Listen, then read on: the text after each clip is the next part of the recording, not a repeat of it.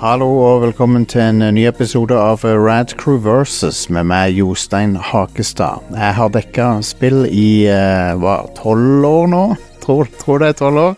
Og eh, det har jeg gjort eh, på gamer.no, på pressfire.no og selvfølgelig gjennom podkasten Rad Crew, som er mitt eh, Hva skal vi si? Det de kaller passion project eh, på engelsk. Det er i hvert fall det er en podkast som har forandra livet mitt, og, eh, og som jeg elsker å lage. Og derfor så lagde jeg også dette sideshowet der jeg kan liksom prate litt mer i dybden om, om enkeltspill eh, som har betydd mye for meg opp igjennom.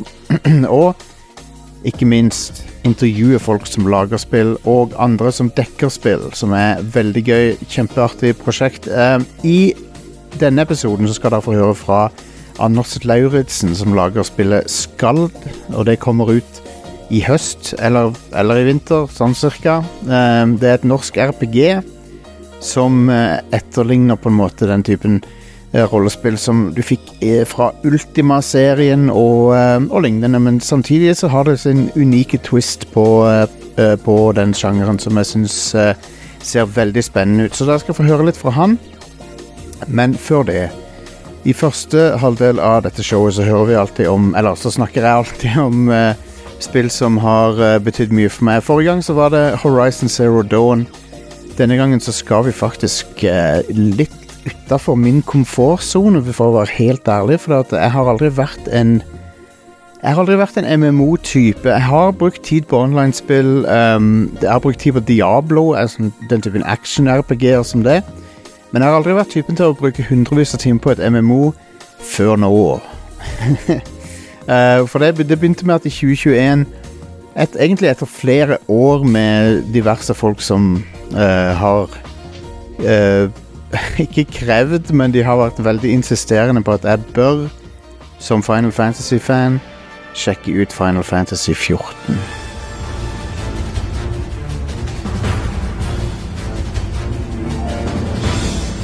Final Fantasy 14 kom ut i 2010. Historien begynner å bli ganske kjent etter hvert, men det som skjedde, var at spillet kom ut i fryktelig dårlig stand. Og det skyldes blant annet at eh, de hadde valgt en engine-teknologi som var totalt uegnet for uh, et MMO. Uh, det var nemlig noe som heter Crystal Tools, som var egentlig utvikla til Final Fantasy 13. Og det ga veldig høy grafisk fidelitet og detalj. Uh, men på bekostning av at du, du, Det var liksom ikke, ikke egnet til å lage et stort online-spill. Um, så små detaljer som f.eks. potteplanter og sånn brukte Bare for å ta et eksempel, brukte enorme systemressurser. Spillet uh, chugga som bare det. Og i det hele tatt, det var mangel på innhold. Det var veldig snirklete, rare kart. Veldig få åpne områder. Veldig sånn et MMO som, som uh, var feil Konseptuelt feil uh, for den sjangeren, da. Så de hadde, de hadde liksom bomma på konseptstadiet, egentlig, på mange måter når det gjelder det spillet. Men det som skjedde, da, var at han ene produseren fikk, fikk, lov av Square Enix Naoki Yoshida heter han. Han fikk lov til å uh, ta spillet offline et år cirka. På det tidspunktet så hadde det vært online i halvannet år ish. Um, for å reworke det. Uh, og det betydde ny engine, det betydde nye quests, det betydde ny law. Det betydde en um, oppdatering til alle spillernes systemer. Uh, totalt bygd fra bunnen opp, annerledes hvordan classes fungerte, hvordan uh, dungeons var lagt, ut, lagt opp. Uh, Combat-systemet Basically alt sammen unntatt en del uh, art assets da, som var selvfølgelig gjenbrukt. Men det var en, uh, en gigantisk operasjon og et slags skippertak som Gudene vet hvor Det hadde ikke overraska om, om, det var folk som sov på gulvet i den tida, i hvert fall. Men det var før folk begynte å klage Eller holdt på å klage. Det var før folk begynte å snakke om crunch og den type ting. sant? Så men du kan, du kan banne på at det var litt crunch inni bildet der. Det, det hadde ikke overraska meg i det hele tatt. Uansett, da, så, så, ble det jo da annonsert at uh, uh, Final Fantasy 14 A Realm Reborn skulle være navnet på det de i ettertid uh, ofte kaller 2.0. Eh, som Det var jo 2.0-versjonen av spillet. Skulle være en rework av, av 1.0. Tok nesten fullstendig båndet opp uh, re, uh, rework. Og det uh, kom ut i eh, 2013 og ble relativt godt mottatt. Og sen, siden den gang så har det egentlig bare gått fra styrke til styrke med veldig god mottakelse av ekspansjonene. Og generelt et veldig godt rykte um, som har vært eh, eh, Altså, de har måttet jobbe for goodwillen de har, pga. den katastrofale launchen, men ved å stort sett spille kor kortene riktig i de ti årene som har gått nå, så har de klart å foreta tidenes snuoperasjon. Folk snakker om, folk snakker om No Man's Sky for, og, og, og, sånne spill, men, og Cyberpunk, men, men det, det, er ingenting i forhold. Det er ingenting i forhold den snuoperasjonen uh, Final Fantasy 14 har hatt. Fra å være et spill som knapt var eh, lev... Altså knapt var livsdyktig, så har de snudd det, så har de redda det, og nå er det, om ikke det største abonnements-MMO-et, så i hvert fall et av de største.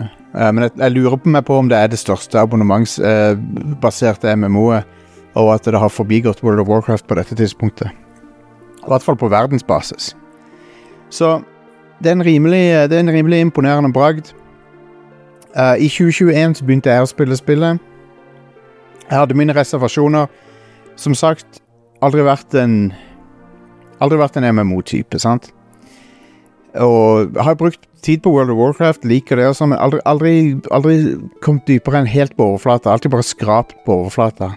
Prøvd en dungeon her og der i Wow, men aldri liksom gått inn for å liksom lære meg World of Warcraft sine in, sånn, intri, mer intrikate ting, sant, men men det skal jeg jo ende opp med å gjøre med Final Fantasy 14. Men sant Hva er det som skiller Final Fantasy 14 fra World of Warcraft, som er hovedkonkurrenten? Og en av tingene som skiller det, er eh, fokuset på å fortelle en lineær historie. Og det er der på en måte Det er der jeg tror mange um, liker Final Fantasy 14 bedre, fordi at de er Uh, det vil ikke være noen spoiler her, for jeg anbefaler vet du hva, det er, en, det er, en, tidsinvestering, men jeg anbefaler folk å spille gjennom historien. Men det, det, det Final Fantasy 14 gjør, er at det forteller en lineær historie som likså godt kunne vært en singleplayer-RPG-historie. Um, men du er jo omringa av denne online-verdenen, ikke sant? Men, men du, du, blir servert, og du får oppleve en singleplayer-historie med uh, en uh, begynnelse, midt og en slutt hver, hver ekspansjon, basically, uh, følger en Om ikke en treaksstruktur, det følger i hvert fall en kjent uh, dramaturgisk struktur. struktur og, og, det, og, det, gjør det på en måte veldig lett og, og lett fordøyelig uh, å oppleve bare den hovedhistorien. Og hvis du vil, så kan det være alt du gjør. Du trenger ikke å gå inn i de MMO-elementene så veldig. Um, Riktignok så endte jeg opp med å gjøre det, men du må ikke. Uh, kontakten Kontakten med andre mennesker er så involvert som du vil han skal være i Final Fantasy 14, på en måte. Og nå, i ettertid nå, så har du jo begynt å reworke alle dungeonsene, sånn at du i teorien kan spille de singleplayer også, med AI Companions istedenfor Party. Uh, så nå snart så er det bare raidene igjen som er sånn tvungen online. Uh, så det er en veldig interessant strategi de har der. Men A Realm Reborn-delen av spillet Jeg må jo bare si det som det er. Det er en liten kneik å komme over, for han er Han er bitte litt um, slow going. Bitte litt uh, Det tar litt tid før plottet kommer i gang. Uh, det tar litt tid å liksom For du merker den snuoperasjonen de måtte gjøre etter 1-0 gjør liksom at de må Ok, nå må vi begynne Det er en ny begynnelse. Det er jo A Realm Reborn, ikke sant? Så ting går litt sånn det, det, tar litt tid før hjulene begynner å spinne. Og på mange måter så kommer vel ikke Så føler du ikke egentlig at ting kickes skikkelig i gang før A Realm Reborn 1.0 er over. så det er, en, det er litt Det er en liten ask å be folk komme seg gjennom det. For det er, det er en tidsinvestering på hva, 50-60 timer. Eh, og på det punktet så skjer det et par plot twister som er sånn OK, nå har de med. Det, det, det var en kul twist, og nå er jeg med. Fram til det punktet så er det litt mer World of Warcraft-aktig med at du liksom Ok, du bryr deg ikke så mye om det som skjer, men allikevel så er det viktig å følge med, for at eh, mange av karakterene blir veldig viktige seinere. Det er viktig å ha de der plottrådene med det eh, videre, selv om de, det er ikke så spennende akkurat det som skjer der og da. Um, men ja, hovedforskjellen er jo da på, mellom World, World of Warcraft og FF14 er jo at du jeg, Vet du hva, jeg kaller det bare FF14 fra nå av. Ok? Dropper å kalle det Final Fantasy 14. Men eh, eh, hovedtingen er jo Hovedforskjellen er jo at World of Warcraft Sånn som jeg liker å si det, World of Warcraft har law, og Final Fantasy 14 har law og en historie. Uh, og World War i World of Warcraft så er du vitne til store events. I Final Fantasy 14 så er det du som er direkte involvert i de store eventene. Og uh, du føler at det, det er du som er katalysatoren. Mens i World of Warcraft så er du som spiller Du er en, bare en brikke i, i noe som er litt utafor din kontroll. Syl Sylvanas, hun, hun er den som er Hun er viktig, sant? Sylvanas uh, i, i, i, I FF14 så er det du som er Sylvanas. Ikke sant? Så, så det, det er hovedforskjellen på, på WoW og FF14, sånn som jeg ser det. Folk kan være uenig. Uh, uansett, så Du kommer deg gjennom A Run Reborn, og så er det litt sånn mellomkapitler som bygger opp til um, der spillet virkelig uh, viser at det var verdt tidsinvesteringer. Og det er den ekspansjonen som kom i 2015, som heter Heavens Ward. Uh, og den er så sykt verdt å spille gjennom. Uh, for det den har det, det, er- Igjen, ingen spoilere, men det er en veldig fin historie om hva gjør du med en med en krig som har rast i mange hundre år, kanskje millennier. Hvordan avslutter du den krigen? Hvordan kan du endelig få forsoning? Hva skjer i etterkant når krigen er over? Hvordan gjenoppbygger du etter en krig som har, som har satt så dype spor og, og, og gitt så dype arr? Hva er liksom prosessen der? Og, eh, og, så er det, er det jo Kanskje litt overfladisk, men allikevel veldig verdsatt. For min del eh, ganske mye religionskritikk og eh, Og kritikk av kolonialisme og, og, og sånne ting. Så de, får, de klarer å, å få inn i den ekspansjonen, som jeg satte veldig pris på. Så er det jo òg en stor upgrade i hvor eksotiske miljøer du besøker. og sånn. Du er i, i snødekte fjell, du er i i eh, høst, eh, høstrød-brune skoger som ser, sånn, ser ut rett ut fra ei eventyrbok. Du har ancient ruiner fra en tid langt tilbake. Nei, det, det, det er rett og slett veldig Selv i den litt primit... Det, det, som, som nå er en slags pri, en, Vi kan kalle det en primitiv spillmotor. Så, så er det veldig mye minneverdig å se der. Eh, det er òg en mye større, større rolle for Moogles, for de som er fans av Moogles. Um, men, men, eh, men ja, det er en veldig bra expansion, og rollegalleriet fra A Realm Reborn blir med deg videre. De videreutvikles, hver av de får sine egne lille storyer. Det er litt sånn Empire Strikes Back-tendenser med at de splittes opp og gjør hver sine ting. sant? Um, så, så, så i det hele tatt et veldig bra narrativ som, som spinnes i det spillet der.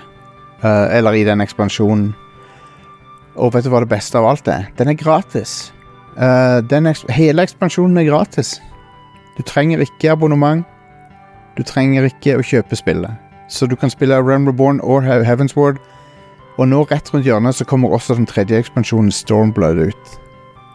Um, og det bringer meg til det det er litt sånn morsomme klisjeen som, som fan-community eh, eh, til dette spillet har, da. Som, eller den, den joken som er at uh, enten så blir du Enten så bouncer du av spillet i A Realm Reborn, altså du stopper å spille der.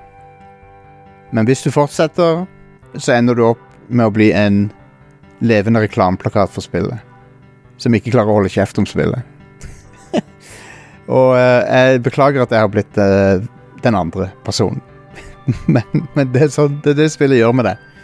Um, og etter Heavensward så kommer du jo til uh, Stormblood, som er en uh, fantastisk historie om imperialisme og om gjennom militær konflikt, men brakt ned på et bakkenivå som jeg satt veldig pris på. For i Heavensward er det mye magi, det er mye uh, Ja, det er, my det er mye overnaturlige ting. I Stormblood så er det mer sånn OK, det er politikk, det er Game of Thrones-aktig um, intriger og, og uh, liksom det er, ikke, det er ikke så mye um, Det er ikke så mye fantastiske greier. Det er mer, det er mer, det er mer jordnært.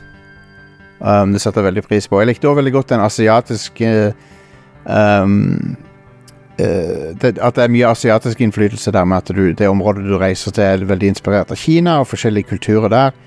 Um, og, og eh, du besøker liksom forskjellige kulturer innenfor det igjen, så det er ikke bare det er sånn mono monokultur som er kinesisk, på en måte. Um, så, så jeg likte veldig godt uh, Stormblood òg. Jeg liker den bedre enn mange gjør, tror jeg. det. Jeg har sett folk si at det er en svakere eks ekspansjon, men egentlig ikke enig. Um, jeg syns den er vel så sterk som Heavensward. Uh, men jeg tror, vet du hva? jeg tror folk bare liker drager. Jeg tror det er det som er greia. Og det er ikke, det er ikke så mange drager i Stormblood. Men uh, du kommer da til, til um, ekspansjonen fra 2018 som heter eh, Eller var det 2019? Kan ha vært 2019? Det var i hvert fall Shadowbringers, som er en en veldig solid ekspansjon, det også. Jeg, jeg likte den veldig godt. Mange, mange sier dette er favoritten de. Um, min favoritt tror jeg Vanskelig å si. Jeg, jeg tror, det er vanskelig å peke på en favoritt, men Shadowbringers veldig bra. Um, har noen uh, plot twists som er ganske gode, selv om jeg så de komme. Uh, og um, det har òg den interessante Det interessante elementet at du reiser til en helt fremmed verden. Så du reiser til en annen, annen dimensjon, så får du oppleve liksom Det er parallell verden, da. Så, så det er nye raser, nye ting, ting du ikke har sett før. Og um, Basically som å ja, det, det er liksom en oppdagelsesferd som er veldig spennende der. Uh, så har du Endwalker, som er den nyeste. Der du skal stoppe verden fra å ta slutt. um, og det er kanskje den mest sånn uh, tradisjonelle Skal vi si fortellinger som de har gjort. Men han er kjempebra. Jeg likte han veldig godt. Han var veldig dramatisk mot slutten. Veldig packs a punch når det gjelder følelser og sånne ting. Veldig uh, veldig verdt å, ha, å, å, å oppleve med alle de andre ekspansjonene bak det. Så det er liksom Ikke under noen omstendighet bør du hoppe rett til Endwalker, for du, du går glipp av all dramatisk impact og, og, og sånne ting. Så veldig verdt å oppleve den nå. Den handler om dommedag. Du skal stoppe dommedag. Basically, så enkelt er det. Um, du reiser til månen. eh, du reiser ut i verdensrommet. Veldig, veldig uh, mange eksotiske ting å se. Og det er en egen rase med kaniner som heter Loporits. De er veldig søte. De liker jeg veldig godt. Så det, det er alene en uh, god grunn til å uh, oppleve Endwalker. Men alle disse ekspansjonene er vel verdt å oppleve. Um, nå er det en ny, ny en på vei som heter Dawn Trail. Og den gleder jeg meg veldig til. Um, nå har de jo rappa opp denne her tiårs-arken som de har vært på. Så Dawn Trail blir en sånn ny, ny start for Final Fantasy 14 som, som jeg ser veldig fram til. Um, der uh, på en måte Det, det, det, det er side én igjen. Vi er, på, vi er på side én av en ny bok, da. Og, og det ser jeg veldig fram til. Nå, nå har jeg opplevd storyen i dette spillet over Hvis jeg skal anslå å, spille alle ekspansjonene Jeg tok meg god tid, da. Jeg tok meg god tid til side content. Jeg gjorde masse dungeons som jeg om og om igjen og sånn for å levele forskjellige jobber og sånn. Um, så uh, brukte jeg vel 500 timer fra, fra jeg begynte til jeg var ferdig med Endwalker. Fra jeg begynte på Run Reborn. Så du kan nok gjøre det på 250 hvis du er sånn Hvis du er effektiv. Men det er en, det er en tidsinvestering. Absolutt. Um, men, eh, men den grep tak i meg. Jeg kom til et punkt der det var sånn nei, Vet du hva, jeg er skikkelig engasjert i historien her. Jeg har lyst til å vite hva som skjer. Uh, og um, det, det Gjennom den opplevelsen så lærte jeg på en måte også å sette pris på MMO-et og MMO-designet. og combaten Jeg har aldri vært typen til å like MMO-combat så veldig. Um, men uh, å mestre et par av disse jobb... eh, OK, jeg skal ikke snakke for bra om meg sjøl, men jeg har ikke, mest, ikke mestra combaten. Men å i hvert fall bli sånn halvveis god i combaten med et par av disse jobbklassene har vært veldig givende. Jeg spiller som White Mage. Jeg er for øvrig en Viera, det er de kanindamene. Eh, Jeg måtte være en Viera, og grunnen til det er fordi jeg er en veldig stor fan av Final Fantasy 12, ok? Og det er en rase som er fra Final Fantasy 12, og de har laga en sånn helt egen law-forklaring på ok, hvordan kan de være i Final Fantasy 14, etc., ok? Du må bare, bare ta meg på, ta meg på ordet. Det de, de, de, kanindame er veien å gå, ok? Det er bunification. Um, du kan òg være en catboy eller en catgirl, men, men det er bunny all, all the way for meg. Ok? Um, og så så, så har du dette med Jeg nevnte combaten og sånn, men dungeons uh, det, er jo, det er jo mange um, Det er jo et tonn med dungeons i spillet. Um, og uh, de fleste av de foregår jo som en del av storyen, men det er også noen optional dungeons som kan være kjekke å ta. Uh, dungeon design i spillet er, er veldig bra. Det følger, der, det følger en struktur der du har litt framgang, og så en boss, og så litt framgang, og så en boss, og så litt framgang, og så siste bossen. Det er strukturen på nesten alle dungeonene. Uh, du tar mobs, og så tar du en boss, så tar du mobs, og så tar du en boss. Um, og bossdesignerne er som regel veldig bra. De har sånne måter å telegrafere det de skal gjøre, og så må du liksom party må koordinere. Um, og, og du har en healer, du har en tank, du har to DPS. Det, det, det er et standard uh, opplegg. Og så i raidene så har du langt flere der, men du har samme ru- roughly samme ratioen med DPS-healer og, og tanks. Um, så de klassene jeg har spilt mest, er Paladin og White Mage. White Ma og, og, og uh, i, i, I Final Fantasy 14 så forventes at uh, healer også skal gjøre skade. Så at, som White Mage så driver du både healer og gjør damage. Um, og uh, det er en veldig givende jobb, syns jeg. Uh, for du får gjøre litt av alt. Du får eh, hjelpe partyet ditt, og du kan eh, ta eh, mobs. Og du blir ganske god til det òg etter hvert. Spesielt når du er på maks level, level 90. Du får noen high level skills som gjør uh, stor skade og sånn. Så det er, veld, veldig gøyal class å spille, syns jeg, da. Men det, det er noe for enhver smak der. Du har uh, gunbreaker, du har samurai, du har ja, paladin, som jeg nevnte. Uh, du har dancer, det er en veldig kjekk class. Det er en, det er en ranged DPS-klasse. Dancer. Skulle tro at det var mer en sånn en buff-klasse. En support-klasse, men det er en DPS. Du kaster sånne vifter eller sånne Skal vi kalle det chakras? Er det det de heter? um, og så gjør du forskjellige danser da, som gir forskjellige effekter. Så det er jo på en måte Du gir jo på en måte buff til deg sjøl og partyet med de dansene dine og sånn. Så, så ja, det, det er veldig mange, ma veldig mange kjekke originale klasser uh, som er gøy å oppleve. Noen av de er jo fra Final Fantasy Final, Final Fantasy-serien sin rikholdige historie. Mens Unnskyld, mens andre er jo funnet opp til spillet. Så, så ja. Det er en ehm, eh, Combat-opplevelsen er egentlig ganske suveren. Jeg, jeg, har, jeg, jeg, har, blitt glad i det, og, og blitt um, eh, Ja, det, det er på en måte blitt en sånn Jeg har aldri hatt Det nærmeste jeg har kommet til å ha et sånn komfortspill før, det må vel være Diablo 2. Diablo 2, men, men, men dette spillet har på en måte blitt et sånn Vet du hva? Akkurat nå Jeg har ikke lyst til å gjøre progress i et annet spill akkurat nå. Kanskje jeg skal bare henge litt inn i Final Fantasy 14. Og det er mange grunner til å logge inn og henge der òg, for du har liksom et kasino du kan dra til. Gold Saucer fra Final Fantasy 7 er med i dette spillet. Um, du har raids du kan gå på for å få uh, forskjellig gear, eller du kan bare gjøre det for moro skyld, fordi raidene er faktisk ganske kule. Um, og de har raids som er inspirert av Nier, de har raids som er inspirert av Final Fantasy 12 og Tactics. Uh, veldig stor variasjon i de raidsene, faktisk, som de, de kan være verdt å sjekke ut.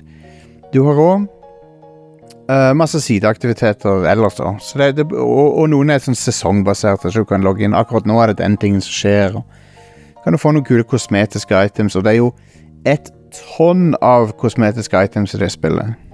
Det er tonn av det. Og veldig bra options for å customize uh, looken din. Og er ikke det, er ikke det på en måte halve spillet? Eller 70 av spillet, nesten, for mange. Um, en annen ting er jo uh, noe som jeg har snakka om på hovedshow, men som um, jeg kan snakke om her òg. Og det er jo at uh, community er jo veldig sosialt. Du, som sagt, du trenger ikke å delta i de tingene, men hvis du har lyst til å dyppe tåa i, i, kollektive, i det kollektive bassenget, OK, så kan du gjøre det. Og, og du har de, disse her byområdene der det alltid kryr av folk um, i, i, sentrum av, de, av, disse online byene. Samme hvilken server du er på, så er det stappfullt. Um, på kveldene, og ofte i helgene da, spesielt, så er det folk som bruker spillet sitt, sitt um, housing-system, som er at du kan, du kan, ha et hus, akkurat som i Animal Crossing. Du har et hus, og så kan du dekorere det og alt sånt der. Så kan folk besøke det. Um, men folk bruker det systemet da til å lage utesteder. Så de lager kafeer, de lager nattklubber, de lager uh, litt mer shady ting. og, og, og, så, og, så, poster de på bulletin board liksom 'Å, her i kveld, kom på den og den klubben og loungen og heng og og det er drinker, og det er dans, og det er en DJ, og så har de så har de ofte sånn De har en dansescene de har laga. Det ser ut som en ute, ser ut som et, liksom en, en klubb. Og um, uh, de har en, ofte en Twitch-link i disse annonseringene. Så hvis du går til den, så har du DJ-musikken på Twitch. Og så har du en dude som er DJ inne i spillet, og han står med liksom Han står og er DJ, da. Uh, og dansere, selvfølgelig. Folk som står og danser med forskjellige emotes og sånn. Um, så du kan gå på nattklubb, og, der, og der er det liksom ro rollespill, da. Og, og, eh, og, nei, det er ikke nødvendigvis dirty. Det, det, det, men det, kan være sånn at du liksom går til baren og sier ah, 'Hva er det du har på menyen?' Og så, så sier de hva som er på menyen, så kan du gi dem noe eh, in game-penger. Um, de har jo kun verdi i spillet. Uh, og så får du en drink, og så kan du liksom det er roleplay. Og, og, det er veldig morsomt. Um, så det er mye sånt å oppleve som, som, som er community-basert òg. Og, um, og det, jeg syns det er en veldig fin ting, egentlig. Uh, sånn rent kunstnerisk så er jo spillet li, li, li, Begynner å bli litt uh, utdatert sånn visuelt sett, men de jobber jo med en grafisk update som skal komme til sommeren. Um, en ting som, som, som, ikke trenger en update, som, som holder seg som vil holde seg alltid ganske bra. Det er jo musikken. Jeg syns at musikken til han uh, Masayoshi Soken uh, er stort sett veldig bra. Uh, og det er mange bangers, uh, i, spesielt i dungeonsene og i overworldene og sånn, så er det veldig mange, veldig mange fine sanger. Um, jeg er ikke fullt så glad i rock, de rockbaserte sporene hans, men jeg liker veldig godt de orkestrale og de um, og, og, de mer kontemplative, hvis det er et ord. De som, de som får deg til å reflektere litt. Grann. Han er veldig flink til det. Veldig bra musikk. Mesteparten av musikken er på Spotify òg. Um, så ja, uh, i det hele tatt Det, veldig, det, det har blitt et, et, spill som jeg logger inn i for å slappe av. Jeg, eh, som, som, jeg logger inn i for å bare chille. Og uh, jeg ser veldig fram til neste story. Det som har vært litt rart, er at jeg har liksom hele tida vært vant til at å ja, men jeg har i hvert fall hovedstoryen, så jeg kan fortsette på den. Gjøre litt sideting, og så kan jeg fortsette på hovedstoryen. Nå har jeg ikke noe hovedstory igjen. Jeg har ikke noe main quest igjen. Så det har vært litt rart for meg. Uh, jeg, jeg, har ikke vært vant til det. Men uh, neste sommer så kommer det mer. Jeg ser veldig fram til det. Jeg kommer til å være der. Og hvis du uh, der ute er interessert nå Hvis du begynner nå på, Hvis du hopper inn på ground floor nå så kan det hende du rekker å, begynne på Dawn Trail sammen med alle oss andre som er hooked på dette spillet. Uh, spillet er uh, bærer preg av den litt turbulente utviklinga det hadde. Og det er ennå litt sånne ting som henger igjen, som er sånn OK, hvor, hvorfor er user interface sånn som dette? Hvorfor er kartene sånn som de er? Det er litt sånn ting har, ting har progressa litt siden 2010, og spesielt Eller siden 2013 og, og 2010, da. Og, og, det er ting du merker som er sånn Dette kunne de modernisert. Um, men etter hvert så er det sånn Du, du, du spill, Spillet sine kvaliteter veier mye tyngre enn de irritasjonsmomentene som du kommer over. Selv om det er irritasjonsmomenter der, definitivt. Um, det, er ikke, det er ikke et spill uten Det er ikke en friksjonsløs opplevelse når det gjelder uh, uh, interface eller uh, Eller sånne ting. Og det er jo et argument for at den, denne typen MMO er på en måte en dinosaur nå. Um, for det er jo det er, jo, det er jo basert på World of Warcraft-modellen, og World of Warcraft kom ut 2004. Du kan jo si at du kan, du kan trekke Du kan liksom trekke en rød tråd helt tilbake til Everquest, Ultima Online og sånn. Så det Det er jo en smule um, det, er, det, er, jo ikke utdatert, det, det er feil ord, men det, det er liksom en det, det lages ikke den type spill nå lenger. Og det er en av de grunnene til at jeg er veldig spent på å se Riot sitt League of Legends MMO. For jeg er spent på hva de gjør. For at de, jeg regner med at de ikke kommer til å legge seg på denne modellen nøyaktig. For at det, er noe med denne modellen. Jeg tror Final Fantasy 14 og, World of Warcraft vil bli på en måte de siste store MMO-ene av denne typen. Og det er jeg ganske sikker på. Kanskje jeg tar feil. Kanskje denne typen MMO vil plutselig få en sånn resurgence og bli populær igjen. Hvem vet? Men uansett, Final Fantasy 14 jeg anbefaler det veldig. Eh, bruk uh, free trialen til å um, spille gjennom Realm Reborn, Heaven's Word. Og når du har spilt gjennom de, så er vi sikkert kommet til det punktet snart hvor Stormblood også blir inkludert. Så da er den òg gratis. Så det eneste det koster deg, er tida di. Og um, vi er jo i discorden til Radcrew veldig uh, mottagelige for å uh, hjelpe. Så vi har en egen Final Fantasy 14-kanal der. Eller en uh, Ja, det har vi. og, og, og, det går an å få hjelp der. Bare fyre løs med spørsmål hvilken server du skal joine, hva du Ja, tips og triks, rett og slett, for, for nybegynnere. Og det er en, en bra community. Både Radcrew Community selvfølgelig, og, og, Final Fantasy 14 Community er veldig, veldig velkomne og um, ikke skumle, vil jeg påstå. Um, så, så, ja, jeg er spent på å se framtida til dette spillet, for de har vel en tiårsplan på neste liksom, story arc, så jeg er spent på hvor det bærer hen. Og Dawn Trail, den nye, den virker jo litt sånn Onepiece-aktig, med litt sånn sjøfart og sånn, så vi får se. Vi får se hvor det er på vei hen.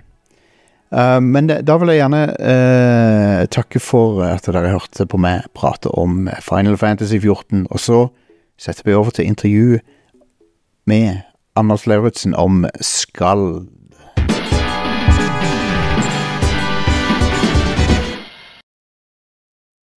Og da sitter jeg her med Anders Lauritzen, som er eier, eh, innehaver av High North Studios. Og han står bak et eh, kommende spill eh, som heter Skald.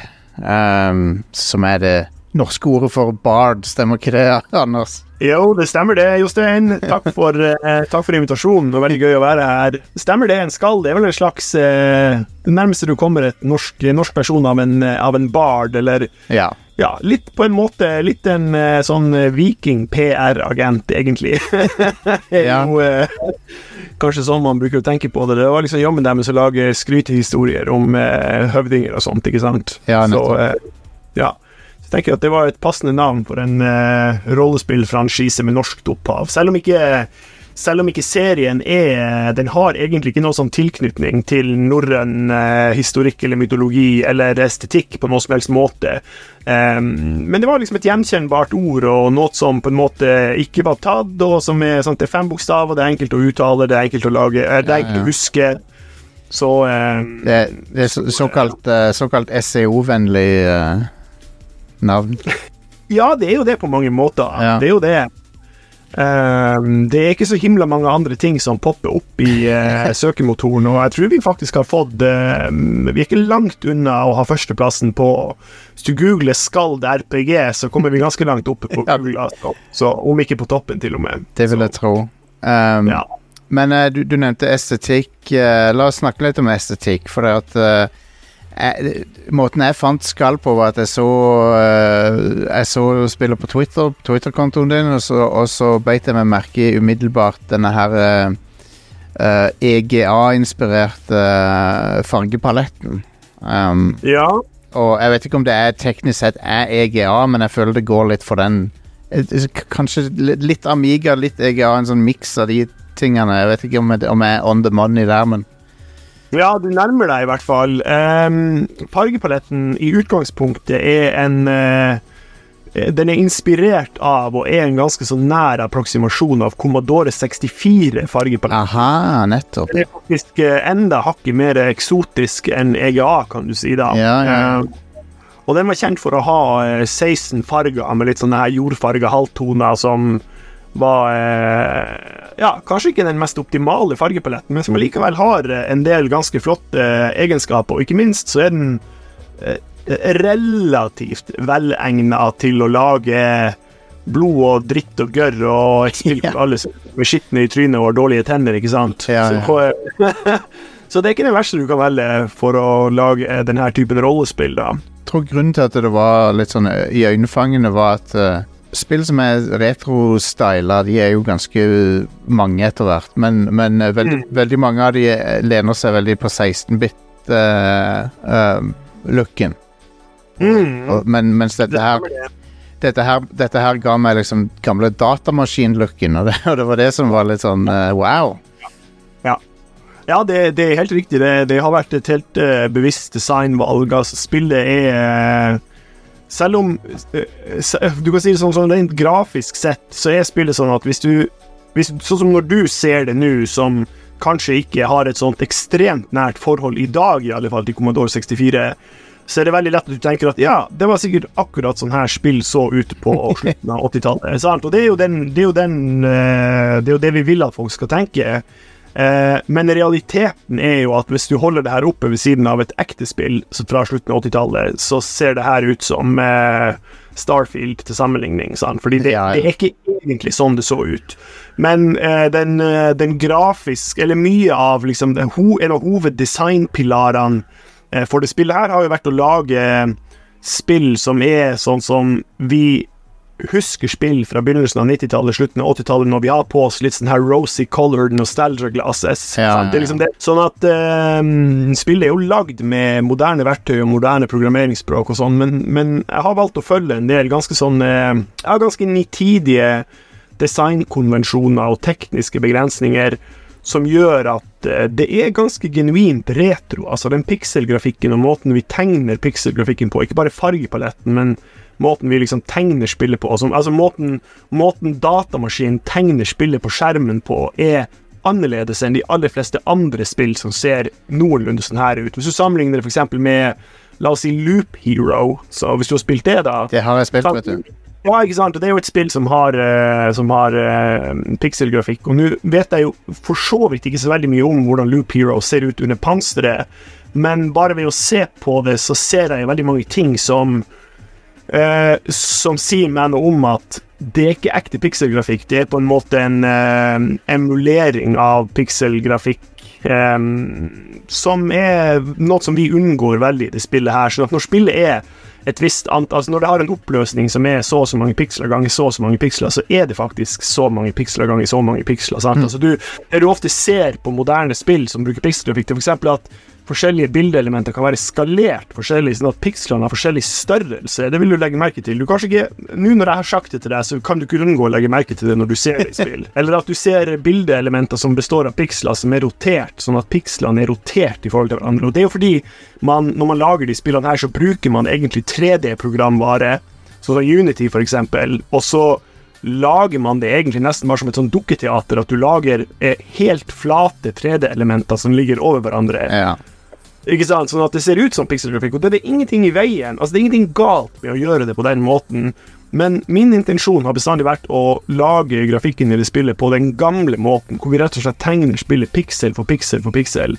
Og, jeg har, grunnen til at jeg har valgt å gjøre det på den måten, bortsett fra at jeg syns det er gøy å jobbe med det, er også fordi jeg har en sånn tanke om at um, mange flere spillere enn man tror vil se at det er noe annerledes med det spillet her. De vil kanskje ikke nøyaktig klare å sette ord på hvorfor det spillet her ser mer retro ut.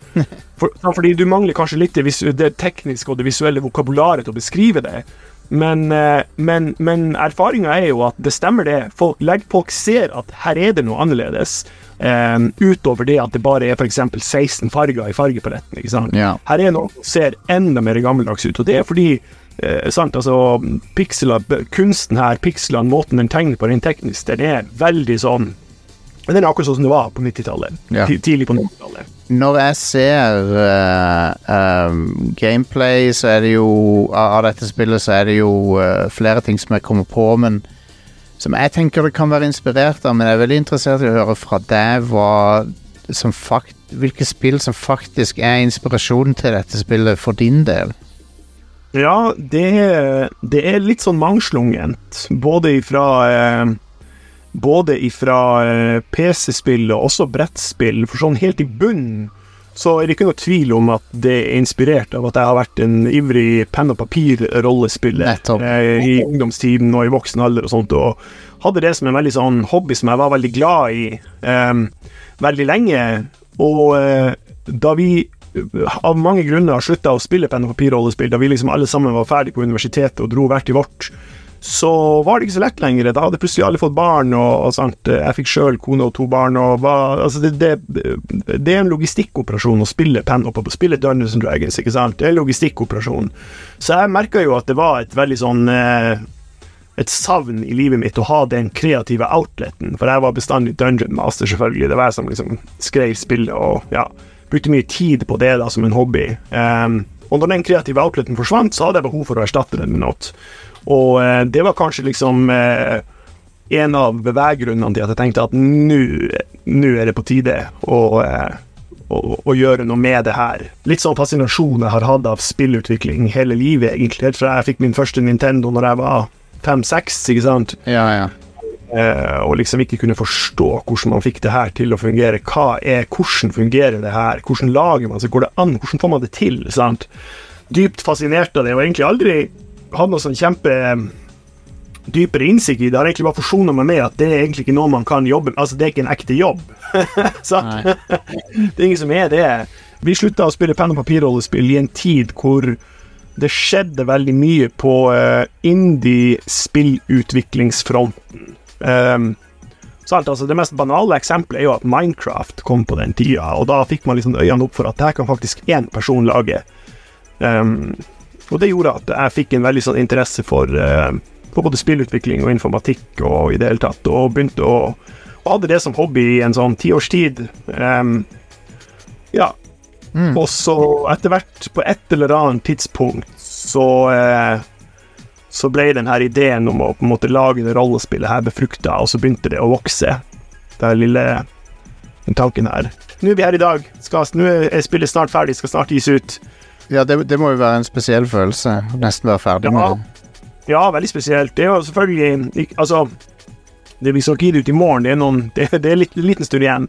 Eh, men det nærmer seg, og vi er i hvert fall sånn at vi ser eh, vi, vi er liksom i gang med begynnelsen på slutten, for å si det sånn. Ja, og, um, og det er spesielt, og kanskje ikke minst er det spesielt fordi for et sånn år, halvannen, ja, et og et halvt år siden, så var jeg i stand til å gjøre det her til min fulltidsjobb, ikke sant. Um, jeg gikk ifra å jobbe med noe helt annet, som ikke var verken spill eller IT-relatert, til å jobbe som spillutvikler på heltid Mm. og, og eh, leve, leve ganske godt av det.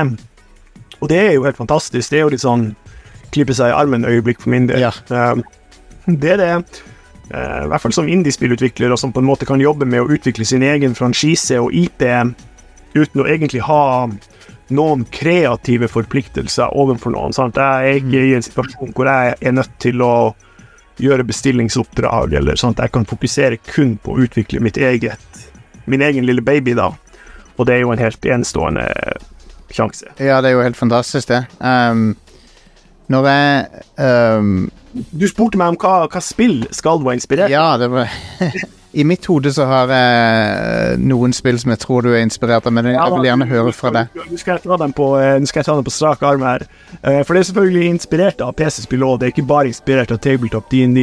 Eh, og en av hovedinspirasjonene er jo de tidlige Ultima-spillene, altså Ultima 1, 2, 3, 4, 5, 6, 7.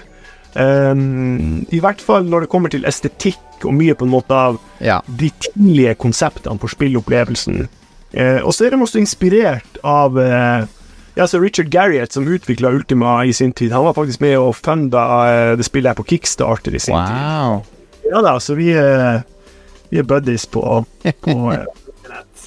Eh, og så er spillene også inspirert av eh, Ja, til en viss grad mer eller mindre eh, av f.eks. Wasteland 1. Ikke sant? Det har mye den samme estetikken, og også litt den her samme eh, Når du spiller Wasteland 1, så får du en veldig sånn følelse av at det er noen som er glad i å spille penn og papir-rollespill, som har lagd det spillet, ikke sant?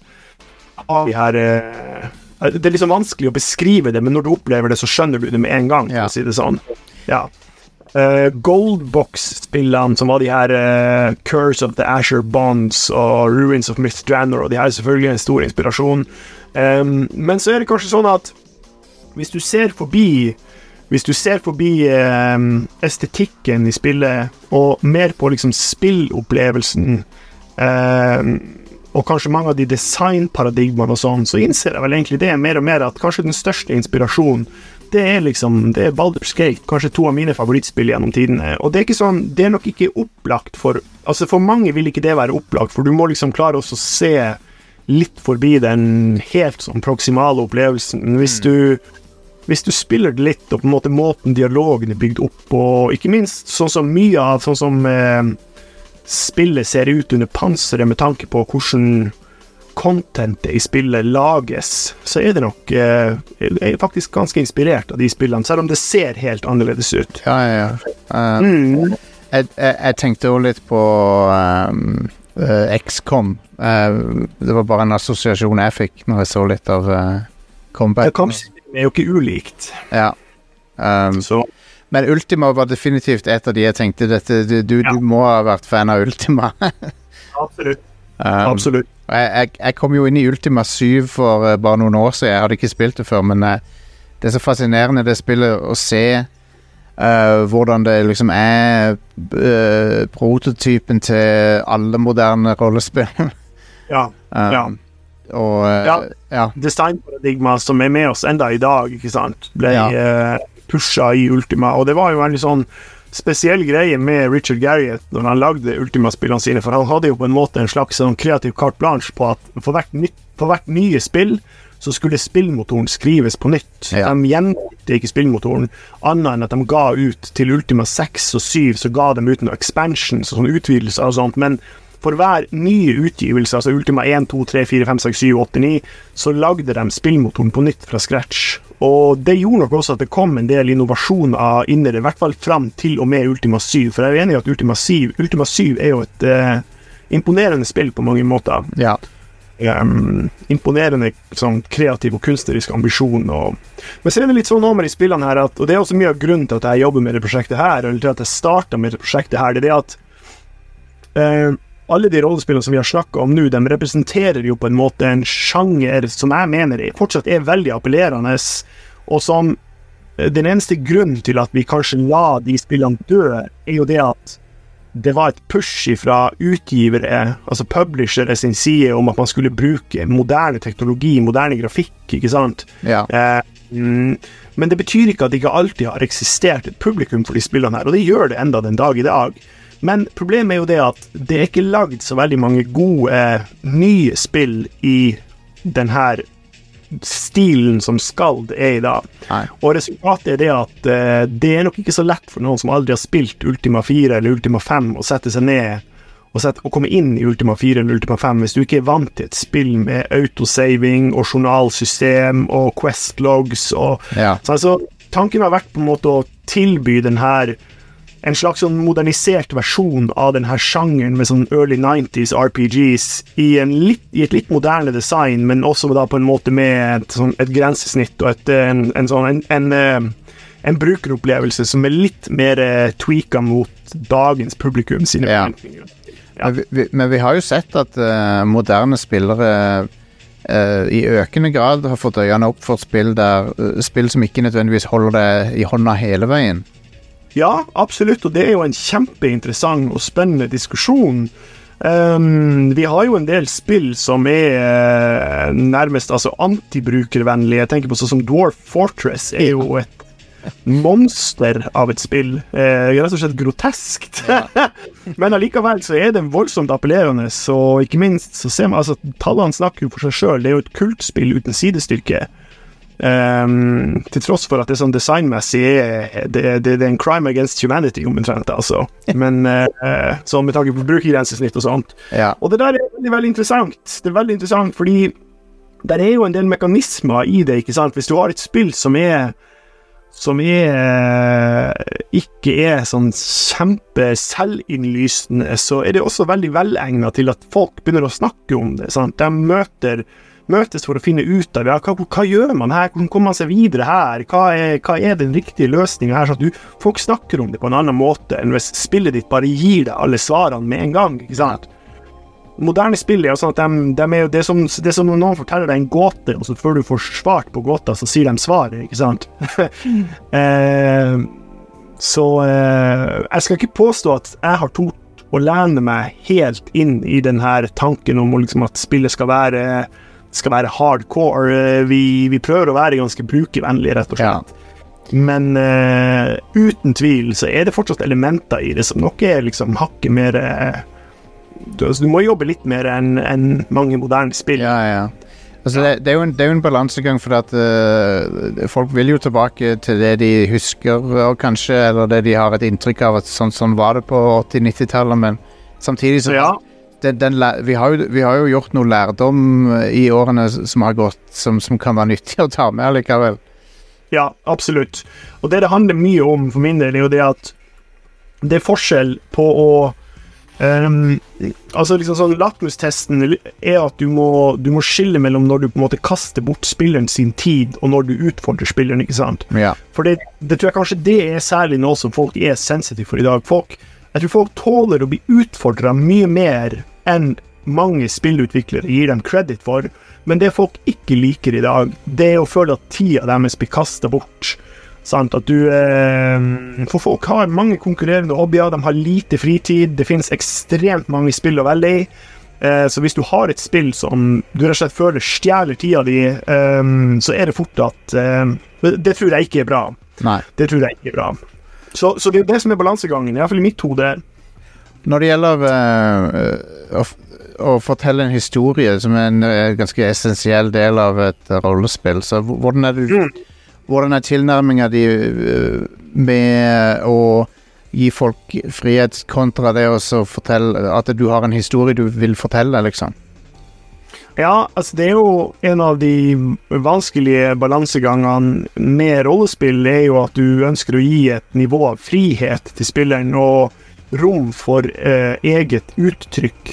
Sant? At spillere skal få lov til å spille den historien de vil sjøl, men samtidig så er du jo på et eller annet nivå nødt til å presentere dem for en historie. Ja. Du må jo ikke, men hvis du har et, en ambisjon om å ha et, en narrativ eh, ryggrad i spillet ditt, så må du det på, allikevel, på et eller annet ja. vis. Um, så, altså, uh, og vi har jo en narrativ i vårt spill. Det er et narrativt spill, uten tvil. Uh, så for oss, eller for meg, så er det helt i ambulansegang mellom um, hvor kan vi gi spillere mest mulig frihet? Vi vil jo alltid gi mest mulig frihet. Ja. Men på et eller annet nivå så må det også være mulig å fortelle den historien. Og, og, og det, det, er også litt sånn sant, at eh, det motsatte eksempelet på det er jo nesten Baldur's Gate 3, som er under utvikling nå av Larian Studios. Og faktisk Sven Winke, som er, som er CEO i, Larry, på Larian Studios, har også backa det spillet her på Kickstarter. Så det er jo eh, Ja. Eh, det er veldig kult. Er jo, uh, altså det, det, det, spillet er jo uh, Det virker jo absurd stort. Ja. Ja, og, og, gjør jo da det motsatte av det jeg sier, ved at de både lar folk få nærmest uinnskrenka frihet, samtidig ja. som de også forteller en historie. Men det er klart at det spillet har vært under utvikling i seks år, og jeg lurer vel på om de er 450 mennesker på Larian nå. Så det, det er noe størrelsesorden her, da. Eh, og allikevel så syns jeg i 3 ser ut til å være en sånn fra et sånn rent teknisk, sånn engineering perspective, så er det kjempeimponerende det de gjør med det spillet. Eh, helt mind-blowing, egentlig. Uh, ja, jeg, jeg spilte Early Access-versjonen akkurat lenge nok til å, å vite at jeg, jeg vil spare det. Til det, Ja, ja, sant. Uh, det, det virker veldig bra, altså. Mm. Eh, Men det er klart, for oss vanlige dødelige så er vi nødt til å hele tida gjøre valg, ikke sant, med at vi må vi må gjøre noen lure eller tekniske valg som gjør at vi klarer å eksponere folk for historien på en måte som både helt reelt, og også litt sånn at vi gir dem en illusjon av frihet. ikke sant? At du må ja, føle at du har valgmuligheter, men samtidig så må vi på en måte klare å styre historien til et visst punkt. og du må Ja. liksom, ja. For vi kan, ikke lage, vi kan ikke lage et spill hvor de fleste spillere bare ser 10% av content. Det, altså, det lar seg ikke gjøre sånn logistikkmessig. nei, nei. Det, da blir spillet veldig kort. Ja, det, det, det forstår jeg. Um, så når det gjelder den, hvordan du rent teknisk sett har fått til dette her, hva, hva slags teknologi er det som ligger under panseret, egentlig? Ja, det er ganske interessant, egentlig. Ehm, spillet er utvikla inne i Altså i Unity, som er et sånt spillutviklings-environment som stort sett brukes til å lage 3D-spill. Det er liksom en av de to store. Unity og Unreal brukes stort sett til å lage de aller fleste spill. 90% av spill som du Ja. ser på Steam i dag. Men jeg bruker jo Unity på en helt sinnssyk måte, vil kanskje noen si. Altså, det er du skal lete lenge etter et mer atypisk Unity-prosjekt. Um, så det vi egentlig gjør, det jeg egentlig har gjort, er at jeg har på en måte skrevet en egen spillmotor som bor inn i Unity. Um, som er spesialisert på å lage liksom, de retro pixel art-spillene. Den kunne nok sikkert vært eksportert og, og ha levd et liv uten Unity. Men fordelen med Unity er at uh, hvis du bruker Unity liksom på toppen av det her, så er det veldig lett å lage Eh, altså builds til forskjellige plattformer. Det er veldig lett å debugge. Unity har veldig mange bra verktøy. Ja. Men eh, hvis du hadde satt en Unity-ingeniør på det prosjektet her, så ville han ikke fått noe gratis. Han måtte ha sant? Altså, Det er snart 100 000 linjer med kode, sikkert, Ja. som eh, du må klore deg gjennom. Så det, det Ja. Eh, hvis du finner meg et mer atypisk Unity-prosjekt, så vil jeg gjerne høre om det, for det hadde vært interessant å møte noen som er like gal som meg med akkurat det her, da. Så du må jo være litt sinnssyk for å men, eh, men ja, det er basert på Unity, og eh, men, eh, men på en Ja, ab absolutt alt er skrevet for hånd. Ja, ja, ja. Unity til note, nesten. Kun til å lage bilder liksom, og litt sånn interfacing mellom grafikkortet og, og spillogikken, da. Når, når det gjelder selve pixel-grafikken og, og portrettene og environments environmentsene og sånn, så er det jo veldig de, de virker for meg veldig uh, utført på en sånn økonomisk og presis måte så, som, som ser autentisk ut for den retro-opplevelsen. da, Så, så Mm. hvordan, hvordan eh, har du gått fram med å liksom gjøre det visuelle? Eh, Vi har jo vært så heldige at vi i flere runder har fått eh, ganske bra med finansiering til det prosjektet her.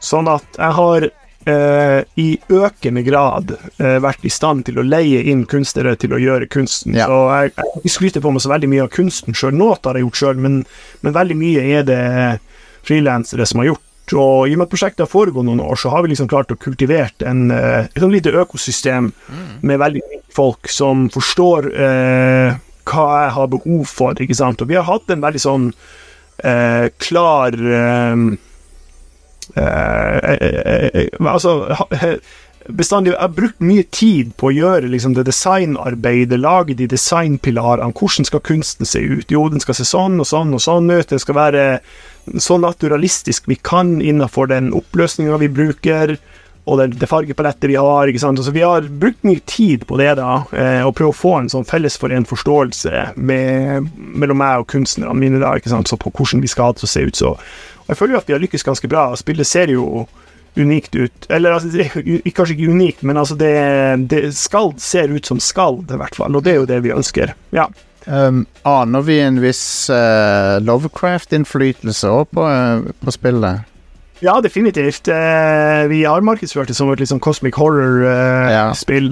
Ja. det er ikke nødvendigvis sånn at vi stuper Jeg syns jo veldig ofte med Lovecraft, altså med Cosmic Horror, så syns jeg folk kanskje mange creators går litt sånn over the top. Ja. Og da blir det liksom sånn ketsjupflaske, at alt er Lovecraft hele tida. Ja. Så vi har prøvd å være litt mer sånn subtil, da, Um, og kanskje lent mer liksom sånn Det har vært det faktisk en litterær innflytelse i spillet. Det har vært uh, første sesong av True Detective, for eksempel. Ja, som er et sånn stjerneeksempel på hvordan du kan ha cosmic horror på en litt sånn lavgradig, subtil måte som, som, som fungerer sånn at selv folk som ikke kjenner den referansen, får også en sånn følelse av at det er noe galt i det universet her. sant? Det er et eller annet usunt, det er en eller annen kreftsvulst i det her, uten at man nødvendigvis klarer å sette helt ord på det. sant? Og så er det jo desto kulere for oss som, som kjenner til alle de her litterære referansene som er brukt i den serien. Og det er litt sånn vi prøver å gjøre i spillet her òg, at selv om vi kanskje kan være litt mer sånn on the nose, siden det er et fan- fantasyspill,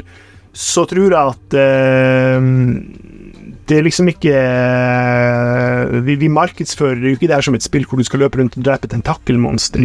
Det er mer den her eh, dyptsittende følelsen av at her er det et eller annet univers som, eh, som det er noe fundamentalt eh, galt og urovekkende med. da. Ja, ja, ja, veldig, veldig stilig. Um, men dere har, jo, dere har jo partnere med Raw Fury, utgiveren. Stemmer det? Og det, hvordan har det vært som en uh, har, har, det, har det vært en positiv opplevelse? Jeg antar det.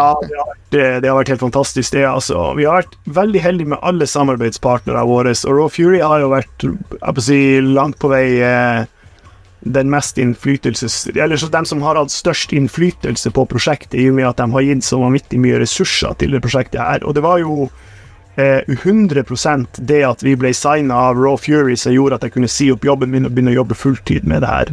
Så den eh, tilliten og støtten som jeg har fått derifra, har vært eh, helt next level, altså. Eh, og det er det, det er klart at eh, mange er jo liksom programforplikta til å si det om publisheren sin. I Raw Fury sitt tilfelle så kan jeg bare si med hånda på hjertet at det stemmer 100 eh, og, og jeg er også en person som sier til andre spillutviklere som er nye, at man må være veldig forsiktig hvis man vurderer å signe med en publisher, fordi eh, det er veldig mange eksempler på at en publisher er flink nok til å altså det, det, det er et begrep på engelsk som heter 'enough rope to hang yourself with'. ikke sant?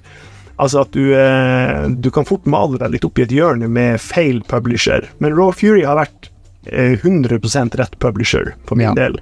Ja, det, altså, de, de, har jo, de har jo en del eh, sånne retroaktige prosjekter fra før, så de, de er nok uh, de, Jeg tror Sannsynligvis har de skjønt hva du prøver å, å oppnå, da.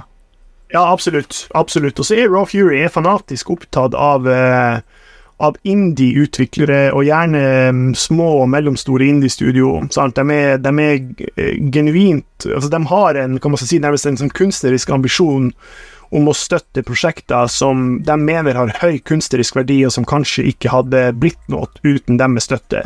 Nå hadde vi kanskje fått et prosjekt uten Raw Fury òg, altså det hadde, blitt et, det hadde blitt et produkt uten dem òg, men det blir jo noe helt annet med dem, eh, utelukkende med positivt fortegn. Så, eh, så Raw Fury har vært helt fantastisk, eh, rett og slett. Ja. Jeg, jeg, jeg hopper litt sånn fram og tilbake her. Jeg, jeg, jeg, tilbake til et, Jeg kommer ikke over looken på spillet. Jeg, må snakke litt mer om det òg. For det er Ja. en, en, ting, en ting som jeg syns er veldig kult, er Uh, det at eh, eh, bildet har ei ramme rundt seg. ei fast ramme rundt seg. Ja, ja, For det, det var jo noe som var en teknologisk begrensning som, som gjorde det at man Men nå, nå om dagen så er det jo ikke det, selvfølgelig. Nei, det er helt riktig. Eh, og det der er jo et veldig godt eksempel på eh, et sånn bevisst eh, estetisk valg vi har gjort. Ikke fordi vi må, men fordi jeg føler at akkurat sånn som du sier, det er så det er så ufravikelig knytta til den sjangeren. Eh, vi måtte nesten bare det. eh, sånn er det bare. Ja, ja, ja. Nei, jeg, jeg syns det er kult. Når det gjelder sånn eh, er dette spillet sånn like crazy som Ultima, med at du kan liksom plukke opp alt mulig rart og putte det i lomma, liksom? Nei, altså eh, Eller ja og nei. Det er veldig veldig mye du kan plukke opp og samle på i det spillet her. Ja. Også ting som ikke nødvendigvis er eh, sånn at du eh, Også mange ting du ikke nødvendigvis har behov for, som bare er der for å gi flavor ikke sant, til universet og sånt. Men eh, vi har eh, Eller jeg har valgt å bevisst ikke gjøre det sånn som Ultima 7, at du kan flytte på alt og plukke Ja. opp alt. Fordi problemet med det er at og, og, og eh, ja, det er kanskje ja, Det er ikke helt sånn i Ultima 7, men det er litt sånn i Ultima 7 at det er litt en sånn gimmick som høres veldig kult ut, men i praksis er ikke det så kult, og det ender opp med at du som designer bruker det kanskje ikke så mye som du egentlig ville gjort. Og da blir det bare en sånn greie som du må bruke en masse ressurser på å designe rundt, og som kanskje ikke har det helt store Nei. verdien egentlig for spilleren. Det er jo litt Sånn at ja, det er noe vi har ankla ut av designet i det spillet. Det kunne, altså Teknisk sett ingen problem. Så, altså det Hadde du gitt meg 24 timer i dag, så hadde det vært der om 24 timer. Men det ville ikke tilført noe. Nei det, jeg forstår det. Jeg, jeg bare syns det er morsomt når spillet gjør det, for det er sånn dette, dette er et totalt unødvendig system å ha i spillet, på en måte, men det, Ja, ja, ja, absolutt. men det, er gøy, det er veldig gøy når det er der, men det er sånn Det som jeg har prøvd å gjøre med det spillet her, er at mitt, mitt sånn designparadigme knytta til det her med, med props og interactable objects og sånt, er at hvis du ser noe som du kan interacte med ehm, og, og det vil du lett kunne kjenne igjen, for du, vil, altså du kan highlighte dem sånn at du kan se hva du kan utforske. Så skal det være sånn at da skal det være eh, interessant for deg å, å utforske det objektet. Um, for problemet med sånn som Ultima 7 er det at i og med at du kan interacte med alt, så er det veldig vanskelig for en spiller å vite ja, men hva bør jeg interacte med. Ikke sant? Sånn at uh, vi prøver å ha fokus på å og, og det jo ikke være sånn superviktig at du kun kan interacte med, med Altså Til enhver tid er det mange ting rundt at du kan interacte med, men der er alltid en eller annen grunn til at du skal ville gjøre det. Det er enten fordi Ja. det er en bryter, eller det er en container med noe oppi, eller det er kanskje, kanskje sant, det er et eller annet eh, som gir deg noe eksposisjon om verden rundt deg. Eh, ja, så vi har lagt oss på det nivået, da, og det er nå et valg som jeg har gjort, og det står jeg for ganske greit. Men det er et interessant spørsmål, for eh, ja, nei, det er et interessant spørsmål. Vi snakker i timen bare om akkurat det lille temaet. er, det, um, er, det, er det gjort noen avgjørelser når det gjelder uh, plattform dette skal utgis på annet enn Steam? Ja, altså vi, eh, vi gir ut på Steam og GOG og itch.io eh, for PC, Mac og antageligvis Linux. Fordi i og med at vi har det i Unity, så er det det ser ut til å være ganske trivielt å lage en Linux-bild. Det er ikke mange Linux-spillere, men det, det koster oss antageligvis ingenting. Så uten at jeg skal garantere det her og nå, så er det noe det det ser ut som. Og så er det sånn at for, for et sånn her spill så er det veldig vanskelig å å vite om det er verdt å bruke tid på å porte det til Xbox, f.eks. Det kan jo hende vi får relativt små salgstall. Ja. Som kan være, det kan være bra for meg, for jeg er jo et solostudio, sant? så for min del så skal ikke det så mye til for at jeg er fornøyd, men, men da er ikke det dermed sagt at det er verdt å bruke tida på å lage en versjon til Xbox eller Switch. Det Kanskje da er det bedre å begynne på spill nummer to istedenfor, sant. Så vi har muligheten til å gi det ut på andre plattformer, men, eh, men det krever litt jobb, og eh, jeg kan ikke sette bort det arbeidet så lett. Nei, så, nei, eh, det forstår jeg. Per i dag er PC, Mac og, og altså desktop-maskiner, da, som er target. Så når er det Skald kommer ut? Det står jo på Steam-pagen også, men nå, du kan jo si det her òg. Ja, altså, vi har ikke vi, Eller vi har satt en dato, men vi har ikke offentliggjort datoen. Det er sagt offentlig det er 2023, come hell or high water. Så eh, det blir 2023. Ja, men det er fantastisk. Uh, Ja. og du Siden du uh, begynner å Begynner å rappe opp uh, utviklinga av dette, så har du kanskje allerede ting på gang etter dette òg? Ja, altså, det er jo også et interessant spørsmål, men mye av grunnen til at eh, spillmotoren som skal kjøre på, er så bespoke, er jo at det har alltid vært en plan å utvikle teknologi som skal kunne brukes videre i nye prosjekter i mange år framover. Um, så det er også litt av grunnen til at vi har kanskje brukt mer tid på det prosjektet her enn det Ja. egentlig hadde øvd å ta.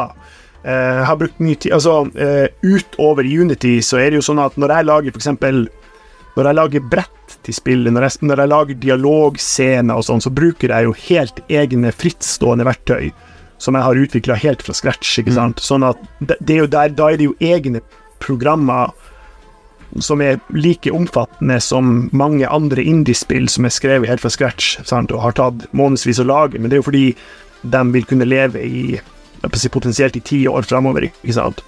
Ehm, så det blir nok eh, Det blir rollespill. Intensjonen min og liksom eh, mitt selskap sin, sin uh, langsiktige plan er å bli verdens beste på akkurat denne typen spill.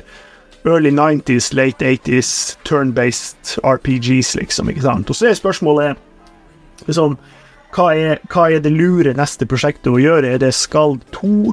Det er ikke sikkert. Ofte er det sånn at hvis du har to oppfølgere for tett hverandre, så selger det andre spillet veldig dårlig, så det går til at man må prøve å gjøre alternerende titler. Kanskje man ser etter en lisens.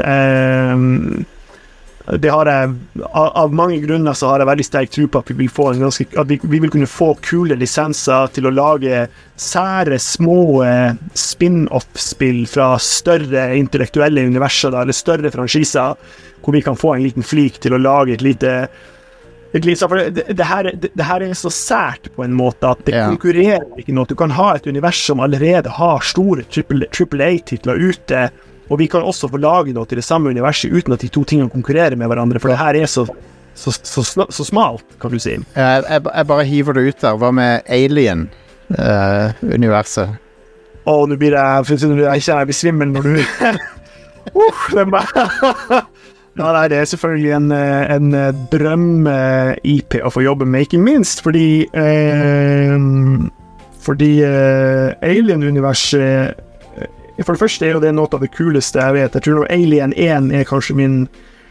favorittfilm gjennom tidene. Ja, den er eh, fantastisk. Ja, helt, helt, spektakulær.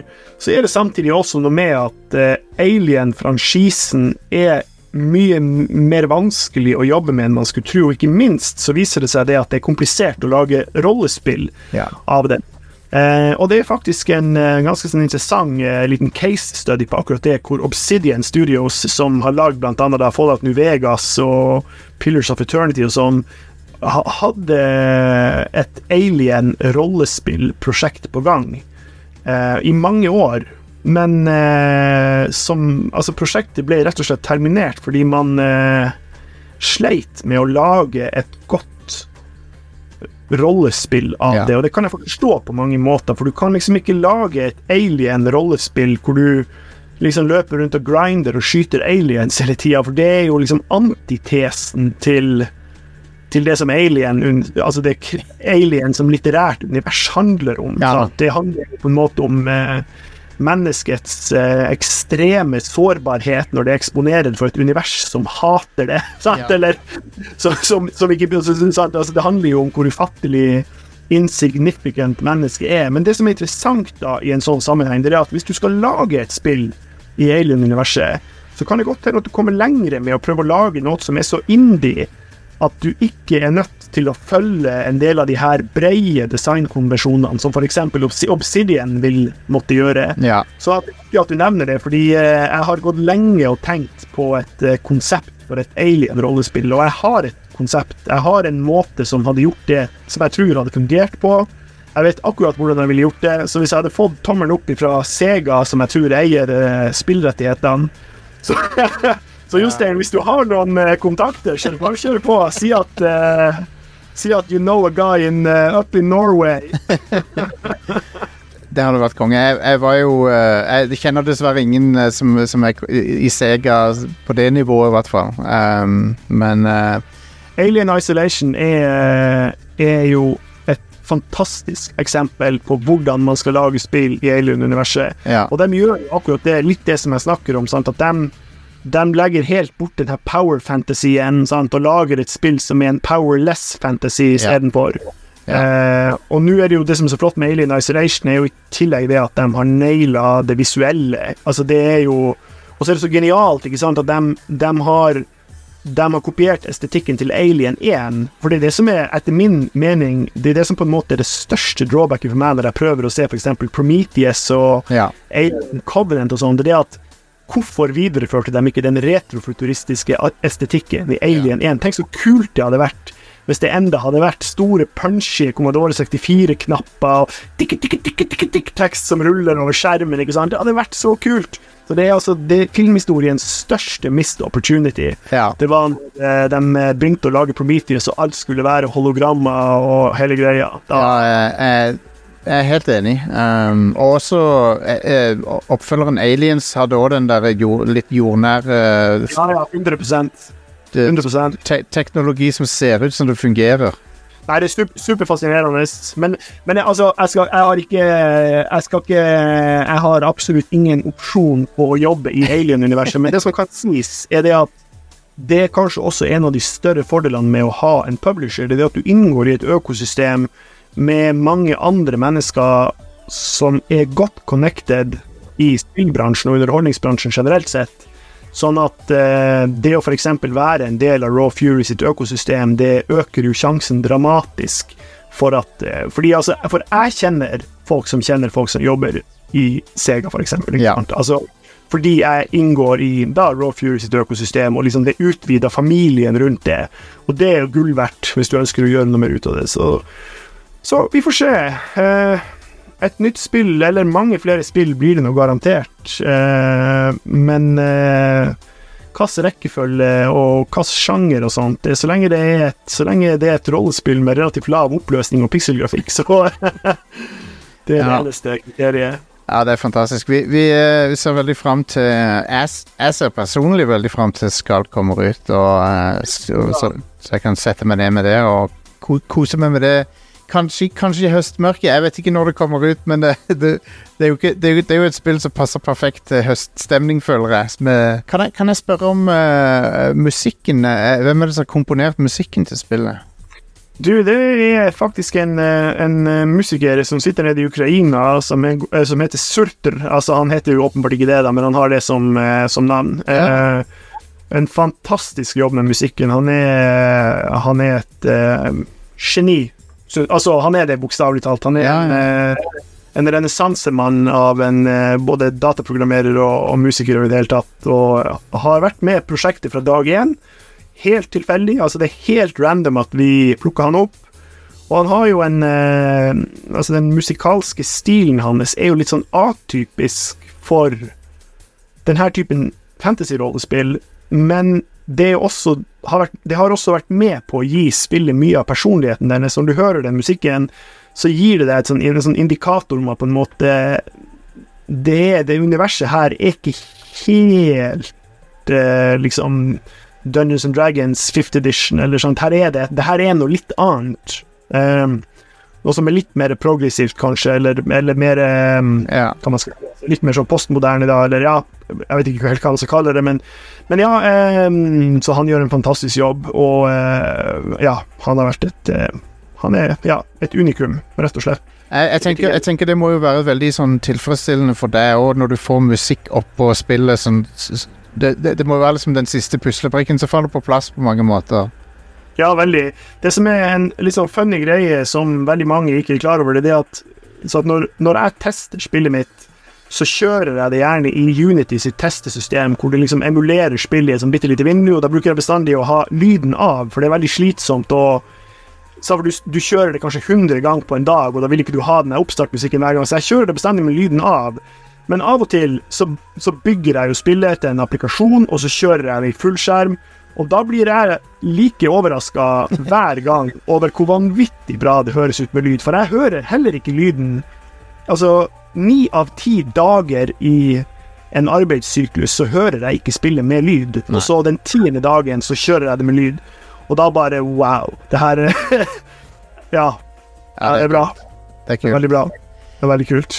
Um, det vi, vi- Ja, nei, vi ser veldig fram til at skal komme ut. Eh, jeg vil takke deg for at du hang med, hang med oss her og, eh, og fortalte litt om spillet. Og eh, vi kommer jo selvfølgelig til å dekke det når det kommer ut. Og eh, ja, nei, det, det, det er utrolig kult at det skjer ting eh, i Norge som eh, på, på denne fronten her også, for det, er jo CRPG-er er jo eh, Jeg tror kanskje Det er jo Baldur's Gate 3 kommer jo til å gi, gi denne sjangeren en sånn kjempeboost, så kanskje, Mm. kanskje det kan uh, smitte litt over på andre CRPG-er også.